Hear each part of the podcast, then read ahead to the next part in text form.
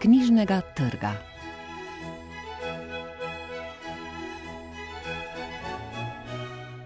Dober dan. Pesniška knjiga Andreja Medveda Veliko kolo, romana Simone Klemenčič Hiša brez ogledal in Andraža Rožmana Tito sin ter refleksije Evalda Flicarja očetova pisma sinu. Vse to nas čaka voda iz knjižnega trga. Recenzije so napisali Tatjana Plegel Kobe, Nada Breznik, Miša Gams in Marica Škorjanec Kostrca. Poezija Andreja Medveda že dolgo ni ločena na posamezne pesmi, ampak se te zlivajo iz ene v drugo v enotno pesnitev. Te pa iz knjige v knjigo sestavljajo spet novo celoto v enotno oblikovani ediciji Hyperion pri kulturno-umetniškem društvu AAC Zrakogled. Zadnja je v njej išla pesniška knjiga Veliko kolo, interpretirajo Tatjana Pregel Kobe. Vizualna podoba knjige Veliko kolo se že po zunanji kvadratni obliki, asketski naslovnici in enaki tipografiji naslova na rahlo orumenelem papirju ujema z mnogimi dosedanjimi zbirkami poezije Andreja Medveda.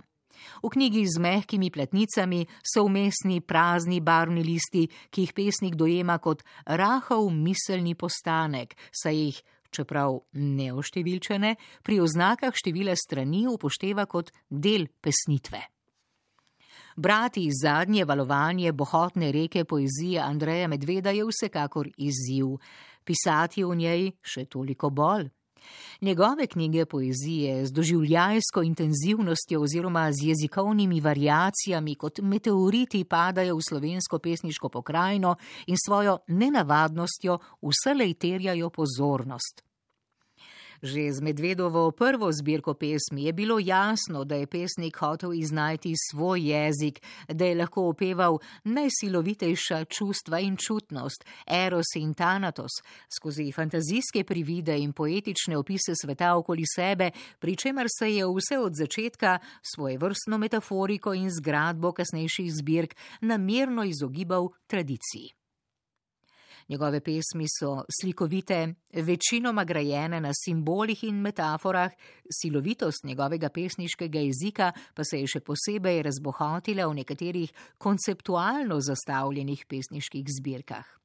V nasprotju z umetnostno-zgodovinskimi eseji in kritiškimi zapisi o vizualni umetnosti je njegov pesniški jezik dovolj komunikativen mozaik doživeti in domišljije, da večinoma ne potrebuje razlage. Ne, ni lahkotno branje, a kdor predre opno in se prebije skozi medvedovo poezijo, se v njegovih migotajočih prispodobah lahko znajde.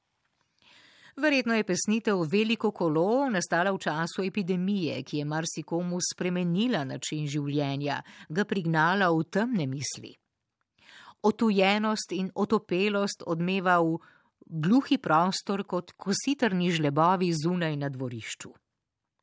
Nostalgično zrenje v preteklost, ko je bila intimna bližina samoumevna, je uvito v nadrealne prispodobe in pospremljeno z vabilom na potovanje v svet čudežev in pravličnih zasnulih škratov, na katerem je pesnik tudi zvest popisovalec soncem obsijanih dvorišč, vrta za galerijo, koperskih hiš in obale, glohot Jonskega otoka in Atlantika v Panamski ožini. Po polju bivanja se Andrej Medved pomika kot osamljen subjekt, ki na svoji pesniški poti živi usporedno življenje silovito, razborljivo, hipno, bežno, vročično, osamljeno, ranljivo in fantazijsko izsanjano. Kot življenje mineva, dan za dnem, enkrat bolj idilično umirjeno, drugič bolj pretresljivo dramatično, se drug za drugim stekajo verzi kot pesnikov alter ego na papirju, dokler se med zdajšnjostjo in večnostjo naenkrat ne odprejo vrata v nebesa, kjer veliko kolo ožarja stene v blodnjaku ptic in netopirjev, da zrase moč letenja in lebdenja in vdihov in izdihov v vrtincu zraka. En vdih za drugim, en vers za drugim. Prelesno sklonjeno dekle, ki stopa v pravlične prostore s sanjami o večni sreči. S tem verzom pesnik sporoča, da sta od vsega rajskega človeku ustala samo še hrepenenje in spomin na izginulo, na minulo. Kajti spomin, ki veže preteklost s prihodnostjo, so sanje. V njihovi neposrednji bližini pa ima svoj dom tudi poezija. Ker samo v sanjah kača skamna zleze v zaprta usta, kobilice plahutajo v stekleni glavi in na obronkih gozda zagorijo hlebci kruha. Samo v sanjah iz oblačne rose pade angel na steklene nitke in kikirikajo polnočni petelini z glasilkami sedmiroglavih zmajev in samo tam, iz udolbinic v glavi, izstopajo prikazni ujete v izdihan zrak. Ptica vzleti zgole na sosednjo vejo, kot deklica z modrimi očmi vzleti v sanje, ki minajo kot pravljica, ki izpuhti v vesoljni čas. Scenografija pesmi v knjigi Veliko kolo ne preseneča, gradnja je podobna prejšnjim. Pesniška pripoved se zlagoma odvija skoraj na vrhu strani, ena za drugo, v dveh, treh ali štirih vrsticah, zelo redko v eni, pri čemer ni nujno, da vsaka od njih odpre novo epizodo. Nasprotno, nekaj vrstični pesniški zapisi se zlivajo iz ene strani v drugo, valovijo iz ene povedi v drugo, ne da bi se zaustavili za zaključno misel, ki kot nebrzdan val najde mesto na naslednji strani ali celo poznaje.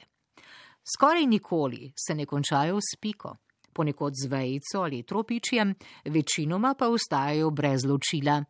In tako valovijo vse do konca pesnitve, ko se bralec na zadnji strani znajde z obrazom v slani vodi zastekljenega vodnjaka, kjer je, kot se mu po celi pesnitvi zazdi, vse čas bil. Ne kot nerojen otrok pod potopljenim skafandrom, ampak kot človek iz mesa in krvi, ki s pesnikom čuti neznosno krivdo, ki lebdi v njegovi glavi in ki doživlja neznansko stisko, ostrino noža kaplje strnjene krvi, odmrle silhuete. Čuti erotiko v trpkosti poljuba in v sladkih sporočilih iz mamljivih mlečnih žlez. Čisto poezijo, neskončne svetosti pomladi, nostalgijo v nebesni prostornini, v zvezdju mlečne ceste, minljivost časa v sencah dvoma in kazalcev v stari uri. Zlomljenih s hitrostjo ničeve, minljive, speče sreče. Tako lahko bralec skupaj s pesnikom biva v privzdignjeni pravlični pesnitvi, v potopljeni stekleni palači, kjer je vse privit in vendar nedaleč od resnice. Tipografsko poudarjen zadnji vers ga znova poveže z naslovno vsebino pesnitve, ki jo je pesnik že v prvem verzu postavil na nebo. Na nebu veliko kolo iz jekla srebrnih ptic, ki se vrti kot bronaste tipalke na metulji glavi. Prispodoba, kot mnoge v medvedovi poeziji, ni naključna. S tipalkami metulj ohranja ravnotežje med letenjem in pesnik vajen letenja v svoji poeziji lovi ravnotežje ne med prividi in resničnostjo, ampak med svojim življenjem in bivanjem v poeziji. V poeziji je Andrej Medved, sicer umetnostni zgodovinar in filozof, odnegdaj zavezan. Kot pesnik z vizijo ne odloča o tem, koliko, ampak kako bo preživel čas, ki mu je na voljo. Verjame, da njegove pesmi svetijo kot zvezde v vesolju, išče novo, neodkrito, zanimivo, sočno, sveže. Bori se za jezik, za ostrino jezika, za vdihe in izdihe. Njegovo veliko pesniško kolo se vrti brez prestanka, ne pristane na odpočitek. Verzi se stegujejo za verzi in se še nedokončani tihotapijo na nove strani. Knjiga Veliko kolo je ena sama pesem, ki valovi in se vrti brez prestanka, kot življenje samo rojstvo, bivanje, smrt in tako znova in znova.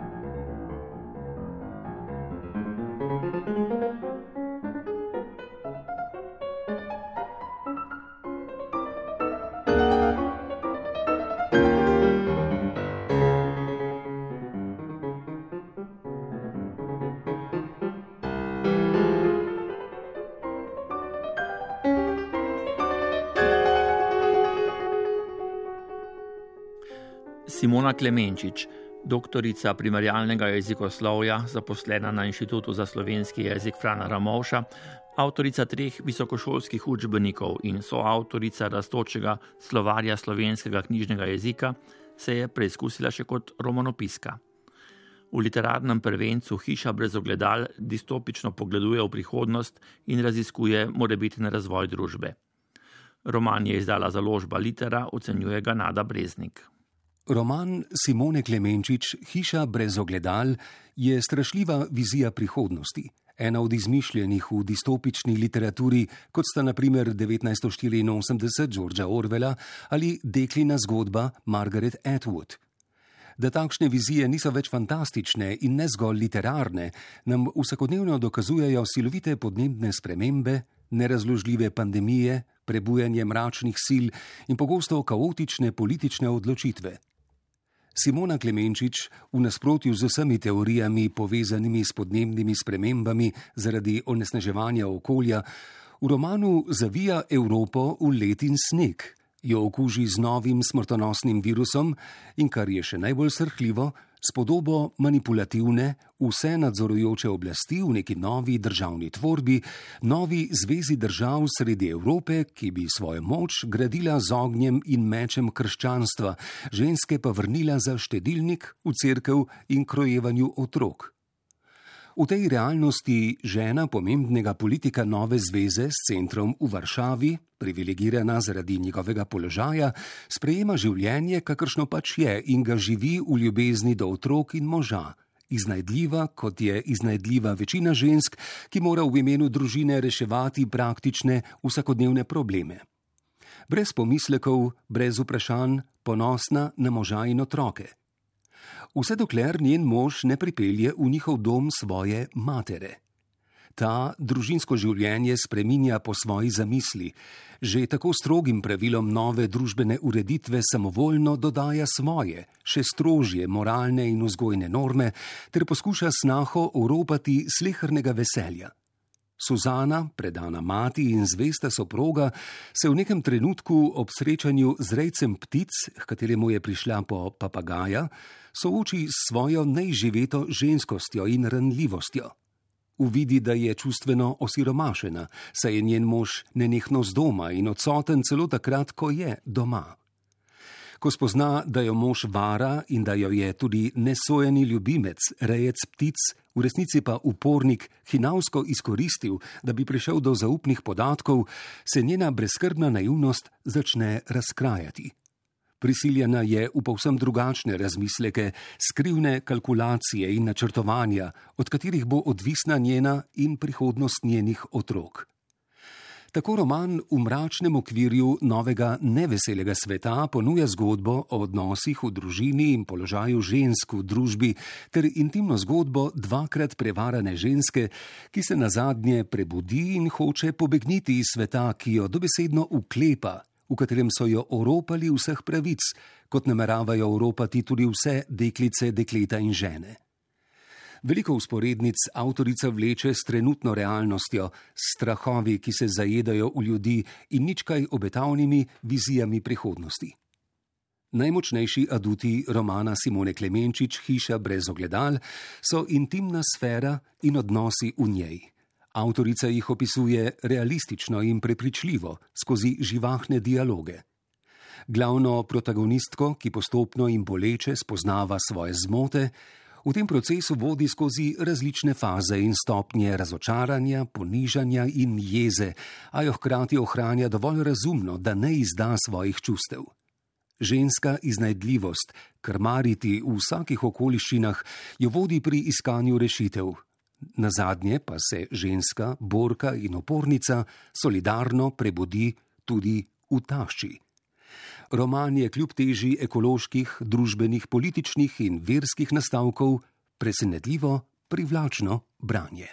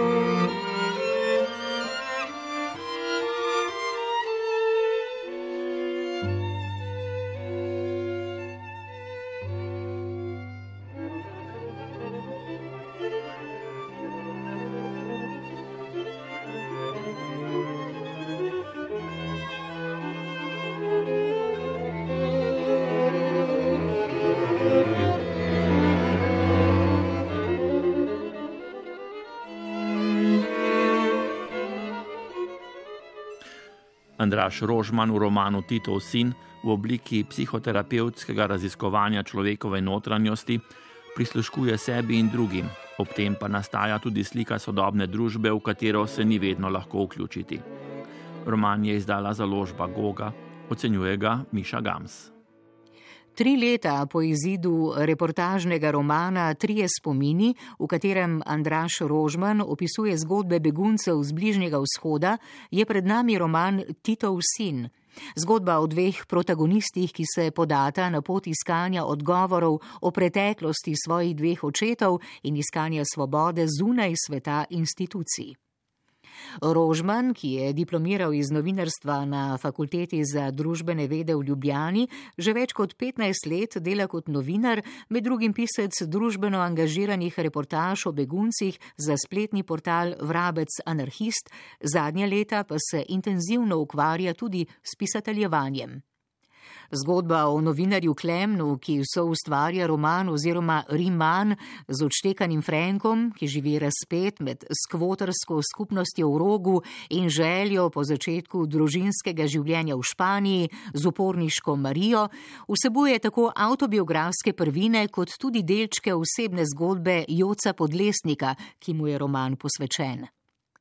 Dramaturško podlago za roman Titov sin ponujata zgodba Se je samo Joc, ki jo je Rožma napisal za zbirko več avtorjev Tu sem in tudi devetletno obiskovanje psihoanalitičnih seans, s pomočjo katerih je dobil pogled v ozaveščanje družinskih travm in lastnega nezavednega. Čeprav se Rožman v romanu ne posveča Jocovemu oziroma Frankovemu boju za pravice ljudi, ki se znajdajo ujeti v togem psihiatričnem modelu, temveč jemlje pod drobnogled njegovo ekscentrično naravo, ki ga peha iz ene skrajnosti v drugo, bralec na nekaterih mestih s težavo prepoznava, na katerih mestih se Frank izpoveduje Klemnu in kdaj se Klemen izpoveduje psihoterapeutu. Na koncu romana Klemen vendarle prizna, da je bil njegov cilj doseči stanje norca, s tem pa tudi pridobitev popolne premoči nad očetovskim nadjazom, ki ga je v času odraščanja navdajal z občutki krivde, zaradi česar je zadnja leta potreboval pomoč psihoterapeuta. Dosegel sem cilj. Postal sem norec. Tu je moj črni pas.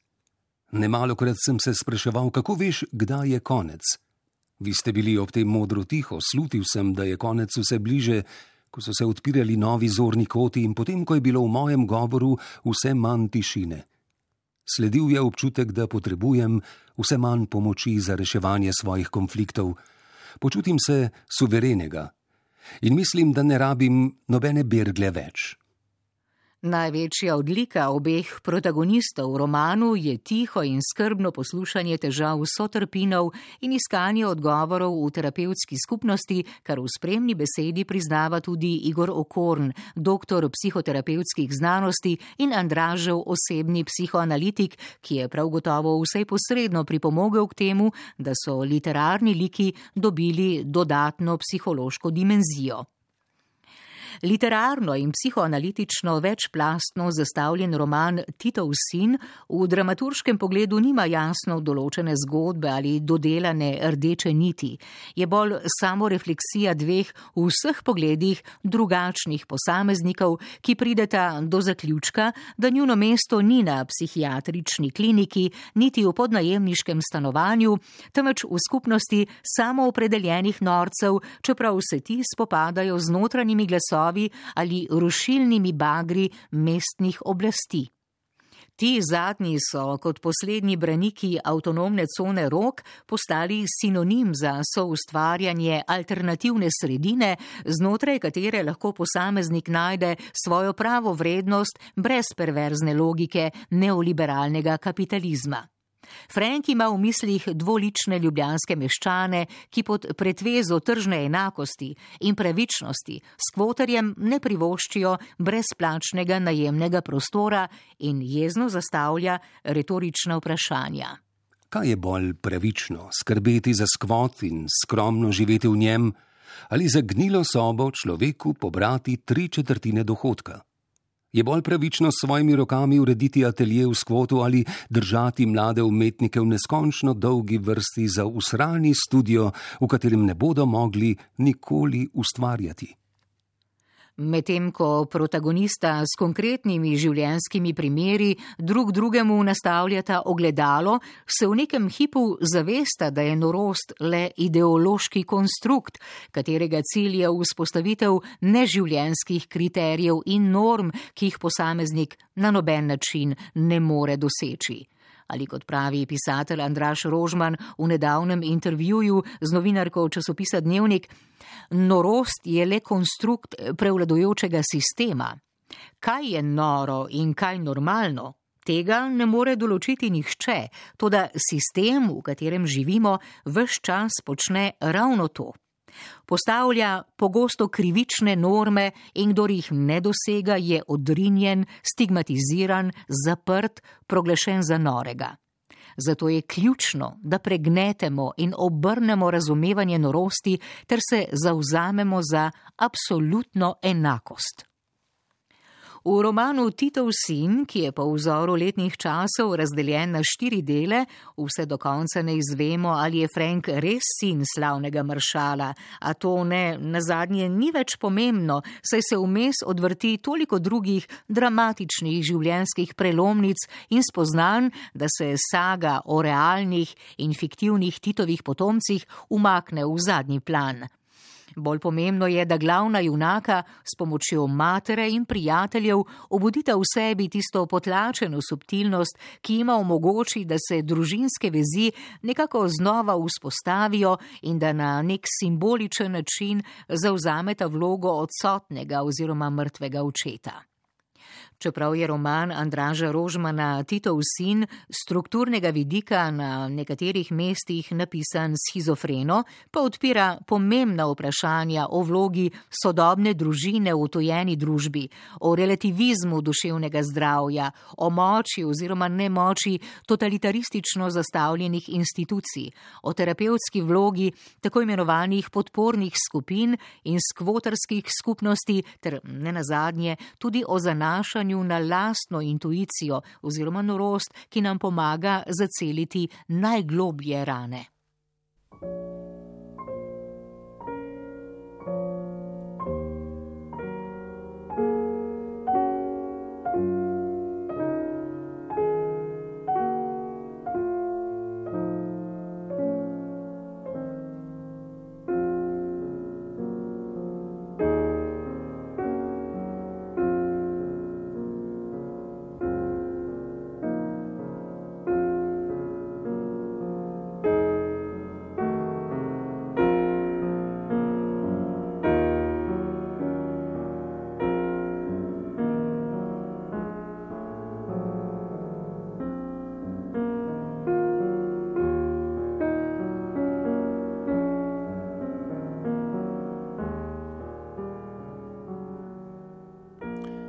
Pisatelj, dramatik in esejist Ewald Flisser v esejistični knjigi Očetova pisma sinu v obliki osebnih pisemskih nagovorov zapisuje svoje izkušnje in življenjska spoznanja, analizira družbo in opozarja na njene odklone. Knjigo je izdala založba Sodobnost International, v njej piše Marica Škorjanec Kosterca. Evald Fliser je svetovno znan slovenski besedni ustvarjalec. Njegova dela so prevedena v 42 jezikov, kultni roman Čarovnikov vajenec pa je dosegel 220 izdaj v 40 jezikih. Uspešnost njegovega dela dokazujejo presežniki števila literarnih nastopov in predstavitev ter pomembnih priznanj. Že od zgodnje mladosti je popotnik, raziskovalec dežel na drugih celinah, najbolj pa ga je očarala Indija. A pandemija COVID-a je leta 2020 ustavila potovanja in mu preprečila načrtovano pot po Indiji, kamor je bil povabljen na predstavitev novih knjižnih prevodov in premjer dram Kaj pa Leonardo in Kostanjeva krona v bengalščini. Očetova pisma sinu je začel pisati v začetku epidemije, končal pa jih je februarja letos, ko je Rusija napadla Ukrajino. Knjigo, posvečeno 15-letnemu sinu, je pospremil s citatom iz čarovnikovega vajenca: Bodi pripravljen na vse in ničesar ne pričakuj. Pisatelj se zaveda, da je v današnjem načinu komuniciranja po elektronski pošti in prek drugih medijev pisanje pisem precej nenavadno, še zlasti, ker s sinom živite skupaj v ljubečem družinskem okolju. Pisma so napisana za prihodnji čas, ko bo sin morda čez deset ali dvajset let tudi iz te knjige bolj spoznaval svojega očeta in njegovo vznemirljivo življenje. Prihodnost se mu zdi, z današnjega vidika, povsem nepredvidljiva negotovost. Nihče ne ve, kaj se bo še zgodilo, kje se bo agresija ustavila, kdo vse bo koga napadel. Zanesljivo pa nas čakajo leta negotovosti, grožen, laži, sprenevedan, draginje, inflacije, revščine, morda celo izbruh atomske vojne in konec sveta. Vsako pismo se začenja z ustaljenim nagovorom Dragi Martin, vsebinsko pa so pisma kratki eseji o različnih vprašanjih, ki že odnegdaj vznemirjajo človeštvo. Pisatelj razmišlja o staranju in smrti in podoživlja dogodke, ki so ga v preteklosti spravili na rob, a mu je bilo prizaneseno.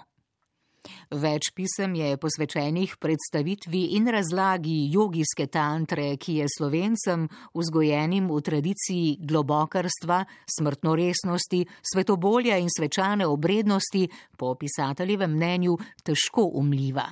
Življenje ima svoje sistemske posebnosti, svoj ritem, ki mu je treba samo prisluhniti in se z njim uskladiti. Kot odličen poznavalec filozofije vzhoda, piše tudi o svojem pogledu na pojav, da se vse več ljudi ukvarja z iskanjem duhovnosti, vendar je ponudba raznih filozofij, duhovnih vodij in sekt največkrat prazna. Ljudje vse preveč živijo za včeraj in jutri, ne pa za danes. Očetova pisma sinu niso napotki ali celo nauki, po katerih se je treba ravnati, ampak neusiljivi nagovori, ki dopuščajo razpravljanje s prihodnim bravcem. Avtor omenja tudi nekatere dogodke iz svojega življenja, naporno delo v Avstraliji in med bivanjem v Londonu. S hvaležnostjo se spominja staršev, zlasti očeta, zaradi njegove sposobnosti, da je vedno imel voljo in moč začeti na novo. V zadnjih dveh pismih se avtor dotika sprememb v zahodnih demokratičnih družbah, piše o lažnih konstruktih, prilagajanju zgodovinskih dejstev, o gibanju LGBT, feminizmu in skrajnostih posameznikov ali skupin, ki nikomor ne dopuščajo drugačnega mnenja, kot ga imajo oni. Pri teh sovražnih in trivialnih izpadih imajo svojo vlogo družbena omrežja, pri katerih lahko ljudje po mili volji sproščajo svoje travme z žalitvami, obsodbami in lažmi. Flisarjeva očetova pisma sinu so dragocena sporočila za vsakega razmišljujočega bravca. V njih spoznavamo bogate življenjske izkušnje, znanje in modrost pisatelja, čigar dela slovijo po svetu daleč prek slovenskih meja.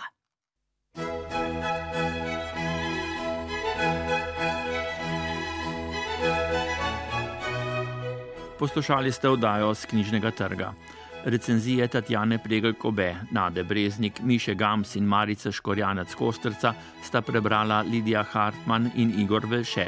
Glasbo je zbral Marko Šetinc, oddajo je posnel Damjan Rostan, uredil sem jo Vlado Motnikar.